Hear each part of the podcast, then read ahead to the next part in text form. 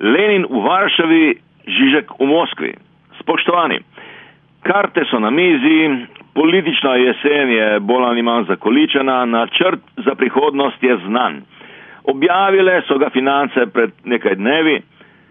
Slovenijo pustiti, da se spravi v položaj, ko bo morala prositi eh, Evropsko banko, Evropo za pomoč. Ta bo pogojeva, eh, pogojevana s tehnično vlado po italijanskem vzorcu. Vendar pa naša tehnična vlada bo taka le navidezno. V resnici eh, bo pač vladala z izrednimi dekreti, ne več samo z izrednimi sejami parlamenta, bo pa še bolj strankarska in politična kot prej kaj ti slovenski Monti bo seveda, to je del načrta, kar Janez Janša sam. Zraven pa še jasno sto njegovih malih Montijev na vseh ključnih položajih na vseh področjih. Načrt je spet po financah celo usklajen z Merklovo in Barozom.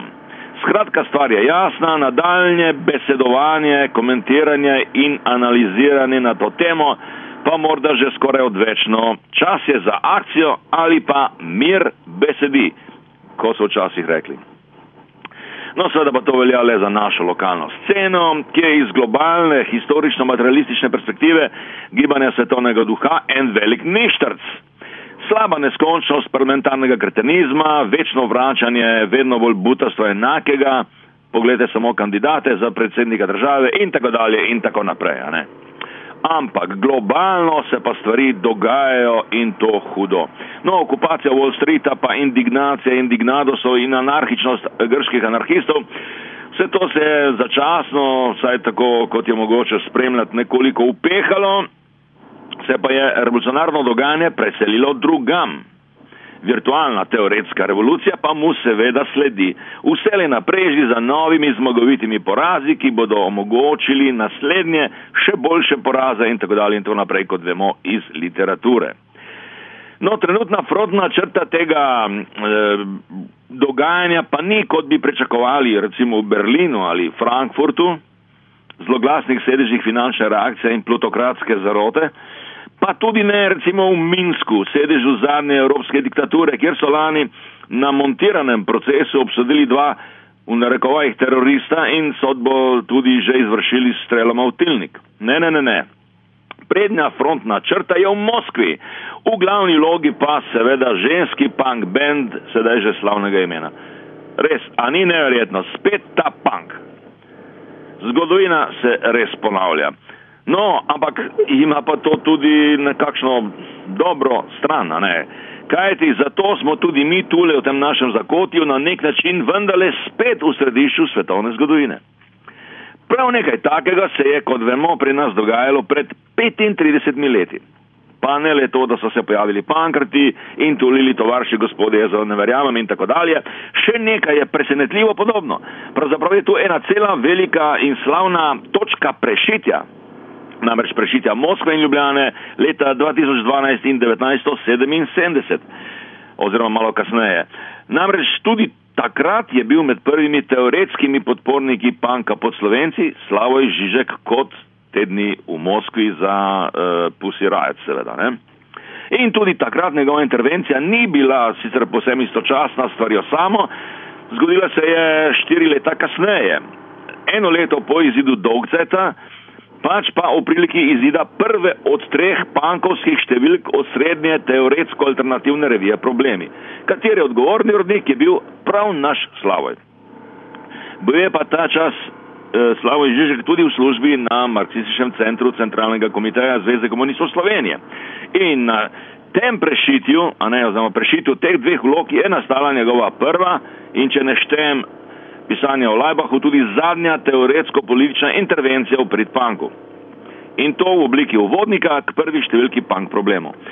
Verjamem, da je ta fantastična koincidenca in ta fascinantna kontinuiteta obeh Žižkovih intervencij v prid ideji panka na razdaljo 30 let dovolj pravšen razlog za obnovitev, oživitev teksta iz problemov Anno 1981, ne, omenjenega, se pravi uvodnika, skupaj z nekaj obrobnimi, zelo obrobnimi opombami podpisanega Uh, kot jih je zapisal v tekstu Nazaj v prihodnost, nastalem za simpozi ob 30-letnici Lajbaha, če dovolite, da to pač uh, navedemo. Ne? No in seveda cel Žižkov tekst iz uh, njegov uvodnik v prve punk probleme, brez uh, obstranskih uh, opomb, si lahko preberete v zborniku Punk je bil prej. No in sedaj pa torej ta omenjeni Žižkov tekst oziroma odlomki iz teksta skupaj z eh, obrobnimi opaskami in še tudi nekaj uh, ozadja, ne, da bojo stvari malce bolj jasne današnji mladi publiki. Torej, od zdaj naprej bom pač citiral ta eh, omenjeni, bi rekel, Žižkov tekst oziroma odlomke teksta z omenjenimi opombami. Začnimo. Po uspehu albumov Pankartov in določeni normalizaciji panka kot subkulture, tudi v dominantnih medijih, se je zdelo, da z izidom pank problemov ne bo problemov.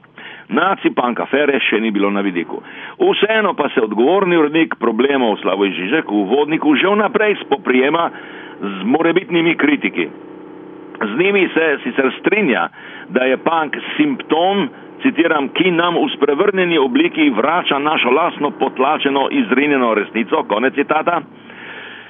Nekako tudi kot izvajanje panka na rokovsko zabavno glasbeno subkulturo, sicer nekoliko zoprno, neolikano prozahodno kot rok nasploh, je bil takrat seveda, skratka neprilagojeno, odtujeno samoupravni socialistični stvarnosti, a za Žižka nekaj več kot to, vendar ne dosti več. Tako pravi. Če ima razlikovanje med nedogmatskim in dogmatskim marksističnim pristopom kak smisel, potem je to razlikovanje tudi v tem, da ko naletimo na točko, ki ima simptomatsko vrednost, simptomu predvsem pustimo spregovoriti, ne pa, da ga že vnaprej razumemo, to je zvedemo na že znano. Konec citata.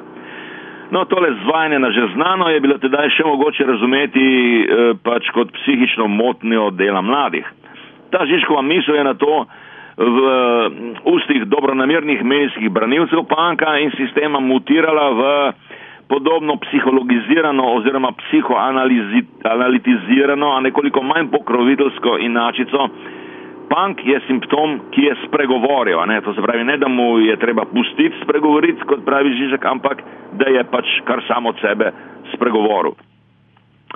No, zdaj pa se, da na takšno sociopsihološko redukcijo panka, kot da računa nekako tudi uvodničar, ki zapiše v istem tekstu, citiram, pank dobesedno uprizarja za trto razsežnost normalnega in že s tem osvobaja, uvaja neko potujitveno distanco.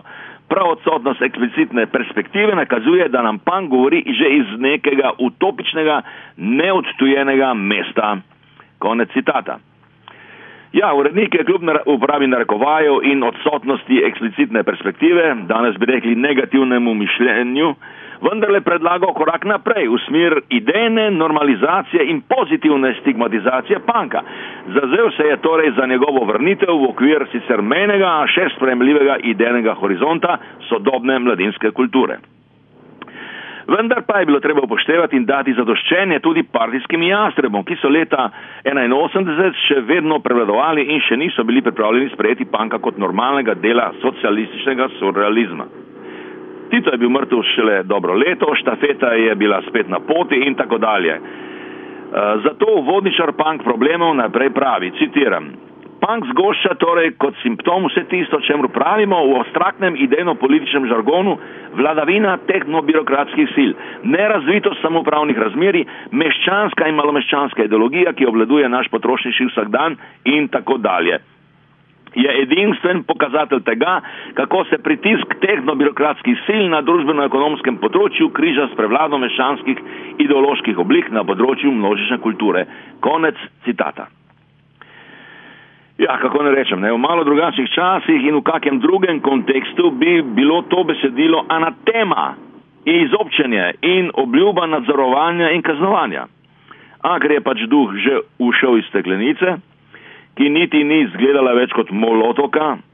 Garant režima je bil eno leto že mrtev in ker je šlo konec koncev samo za simptomatsko zgustitev in pokazatelja negativnih pojavov, kot pravi naš vodničar, je bil izid punk problemov vendarle možen in celo potreben tudi za partijo. In tako urednik sklene svoj uvodnik, citiram, zato, če naj še jaz sklenem s provokacijo, stojim za to številko ne le kot odgovorni urednik, temveč tudi in predvsem kot član Zveze komunistov, kot komunist, delavec na področju kulture in teorije. Konec citata in konec tegale, teh obrobnih in popolnoma nerelevantnih uh, retro opomb na, na to zadevo. Ne. Evo, toliko uh, za enkrat. O Janši pa takrat, ko se bo začel njegov načrt, peklenski načrt uresničevati. To ne bo več dolgo. Lahko noč in srečno.